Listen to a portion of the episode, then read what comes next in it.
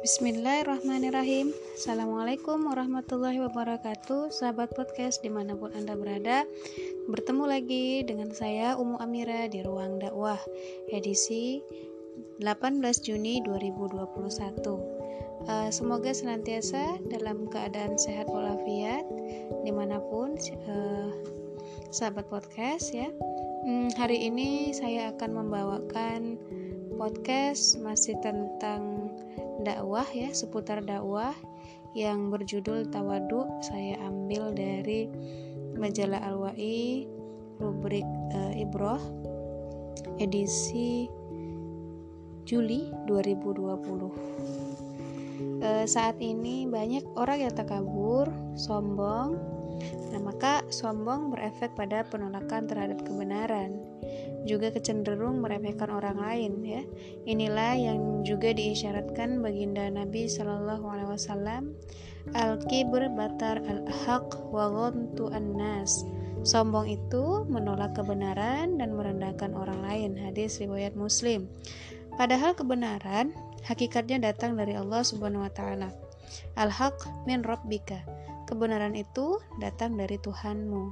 Demikianlah kata Allah uh, Subhanahu wa taala dalam Quran surah Al-Baqarah ayat 147.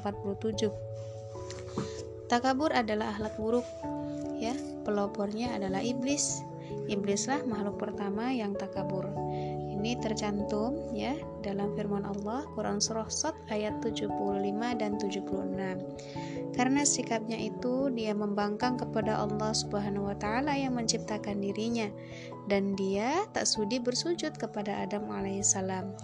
Meski itu atas perintah Tuhannya. Nah, e, pasalnya dia merasa lebih mulia dari Adam alaihissalam hanya karena dia diciptakan dari api sementara kita tahu ya dalam e, pengkabaran Allah dalam Al-Qur'an Adam alaihissalam e, tercipta dari tanah.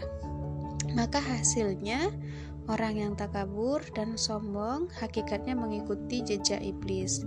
Nah, adapun lawan sikap takabur atau sombong adalah tawaduk atau rendah hati. Inilah akhlak Adam, Adam alaihissalam ya Adam alaihissalam tidak pernah sekali-kali bersikap takabur. Padahal dia memiliki keunggulan dibandingkan dengan makhluk-makhluk lainnya. Dia juga dikaruniai oleh Allah subhanahu wa ta'ala. Bahkan ketika akhirnya Nabi Adam alaihissalam tergoda oleh bujuk rayu iblis. Ia tidak melakukan apologi. Ia segera mengakui kesalahannya. Dia juga segera bertaubat. Ia segera memohon ampunan kepada Allah Subhanahu wa taala dengan doa yang menggambarkan kerendah hatian. Adapun doa Nabi Adam alaihissalam tertuang dalam Quran surah Al-A'raf ayat 23 yang artinya Duhai Tuhan kami, kami telah menzalimi diri kami sendiri. Jika Engkau tidak mengampuni dan merahmati kami, niscaya kami menjadi bagian orang-orang yang merugi. Ya, inilah sejatinya akhlak seorang muslim. Sayang, sikap tawadu inilah yang justru banyak ya dilupakan oleh kaum muslimin sebagaimana dinyatakan oleh Aisyah radhiyallahu anha, "Innakum taghfiluna an afdal al ibadah at-tawadu." Yang artinya, sungguh kalian telah lalai dari ibadah yang paling utama, yaitu sikap rendah hati atau tawadu. Imam Ahmad Azuh halaman 267. Nah, sahabat podcast eh, yang dimuliakan Allah berbicara tentang sikap tawadu atau rendah hati, Rasulullah Shallallahu Alaihi Wasallam bersabda, "Wa ma tawaddaa ahadum illa rafa'ahu Allah." Tidaklah seseorang bersikap tawadu atau rendah hati kecuali akan Allah meninggikan derajatnya. Hadis riwayat Muslim. Seseorang yang tawadu tak akan merasa sombong dan merendahkan manusia. Dia tidak akan pernah merasa lebih mulia sampai dia mengetahui kedudukannya di akhirat nanti. Dan inilah yang dijelaskan ya oleh seorang ulama besar Abdullah Al-Muzani rahimahullah. Dia berkata, Jika engkau melihat orang yang lebih tua darimu, katakanlah, dia mendahuluiku dengan amal dan iman solih, sehingga dia lebih baik dariku. Jika engkau melihat orang yang lebih muda darimu, katakanlah, aku mendahului dia melakukan dosa dan kemaksiatan sehingga dia juga lebih baik dariku. Maka, jika engkau melihat teman-temanmu menghormati dan memuliakan dirimu, katakanlah, "Ini karena kemuliaan jiwa mereka." Jika engkau melihat mereka kurang dalam memuliakan dirimu, katakanlah, "Ini adalah akibat dosa yang kulakukan." Ibnu Al-Zawji, Sifat As-Sofah tentang sikap tawaduk. Tentu kita mesti banyak belajar kepada generasi salafus salih. Apa yang dikisahkan oleh Qadi Abu Bakar, Abu Bakar Ibnul Arabi dalam kitabnya Ahkamul Quran layak kita merenungkan. Disebutkan bahwa Muhammad bin Qasim al-Usmani pernah bercerita tatkala aku pertama kali datang ke daerah Fustoh Fustot Aku menghadiri pengajian Syekh Abdul Fadal Al-Jauhari. Aku mendengar ceramah beliau saat pertama kali aku duduk di majelisnya. Beliau berceramah, sungguh Nabi Shallallahu Alaihi Wasallam pernah mentalak atau cerai ya, menjihar dan mengilah istri-istri beliau. Tatkala Syekh tersebut keluar dari majelisnya, aku mengikuti beliau bersama sejumlah orang hingga sampai ke rumah beliau. Ia duduk bersama kami di beranda rumahnya. Aku pun berkata kepada beliau, Aku duduk di majelismu untuk mencari berkah ilmu darimu. Tadi aku mendengar engkau mengatakan bahwa Rasulullah Shallallahu Alaihi Wasallam pernah mengilah istri-istrinya. Engkau benar. Rasulullah juga pernah melakukan talak. Engkau benar. Engkau pun tadi mengatakan Rasulullah Shallallahu Alaihi Wasallam pernah menjihar sebagian istrinya. Hal ini tidak mungkin terjadi dan tidaklah benar. Pasalnya, jihar adalah perbuatan mungkar dan suatu kejahatan. Hal itu tak boleh dan tak mungkin dilakukan oleh Nabi Shallallahu Alaihi Wasallam. Ya, hmm, jadi Eh, tiba-tiba beliau memeluk sambil mencium kepalaku.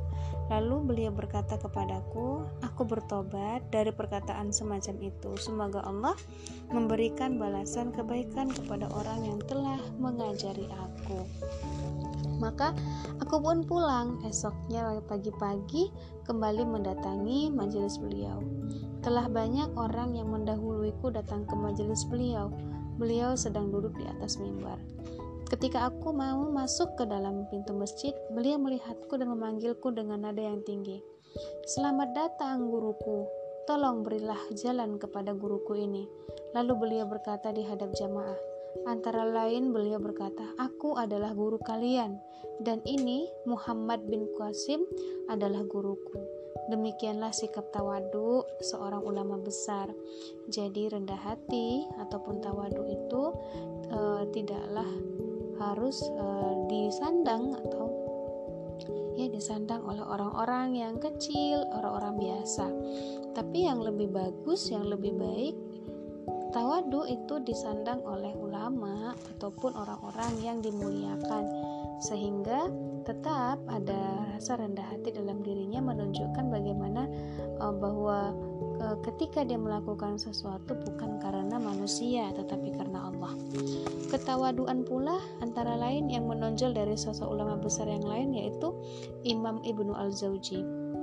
Dalam kitab Zail Sabaqat Al-Hanabilah dikisahkan pada akhir hidupnya beliau pernah bercerita telah menulis 2000 jilid buku menjadikan 100.000 orang bertobat dan membuat 20.000 orang Yahudi dan Nasrani masuk Islam. Bayangkan sahabat podcast 2000 jilid buku 100.000 orang bertobat dan 20.000 orang Yahudi dan Nasrani masuk Islam. Jumlah minimal hadirin yang mengaji pada beliau adalah 10.000 orang. Itu minimal ya. Meski demikian, tidak ada kesombongan yang ditonjolkan oleh beliau. Yang ada malah justru beliau rendah hati, makin rendah hati. Dalam kisah masyhur disebutkan menjelang wafat beliau sempat berujar kepada murid-muridnya, "Jika kelak di surga kalian tidak menjumpaiku, maka tanyakanlah kepada Allah perihalku." Ya Allah, ya Tuhan kami, sungguh hambamu si Fulan ibnu Zauji dulu di dunia telah mengingatkan kami tentang dirimu. Lantas Ibnu Jauzi pun menangis. Ini bentuk ketawaduan ya Ibnu Jauzi kepada ya kerendah hati kepada manusia dan juga kepada Allah. Maka betapapun luas ilmunya ya juga betapapun besar jasa-jasanya dalam Islam ia menafikan eksistensi dirinya. Dia tetap khawatir tidak masuk surga. Bagaimana dengan kita sahabat podcast? Apakah kita sudah setawadu para ulama besar eh, sebanyak pengorbanan dan kiprah dakwah yang dilakukan yang kita lakukan apakah sudah seperti para sahabat dan ulama-ulama besar? Mungkin belum ada apa-apanya. Ya namun kita harus senantiasa tetap belajar bersungguh-sungguh untuk menjadi orang-orang yang tawadu orang-orang yang rendah hati kepada siapa pun baik kepada uh, ya orang-orang biasa ya kepada orang-orang yang lebih tua ataupun anak-anak. Nah, karena ketika kita memiliki sifat tawadu insya Allah hidup kita tenang aman dan bahagia. Allahu alam bisawab uh, sampai di sini podcast edisi tawaduk malam ini di ruang dakwah. Semoga bisa diambil ibrah ataupun uh, pelajaran dari podcast malam ini hmm, dan bermanfaat bagi kita semua.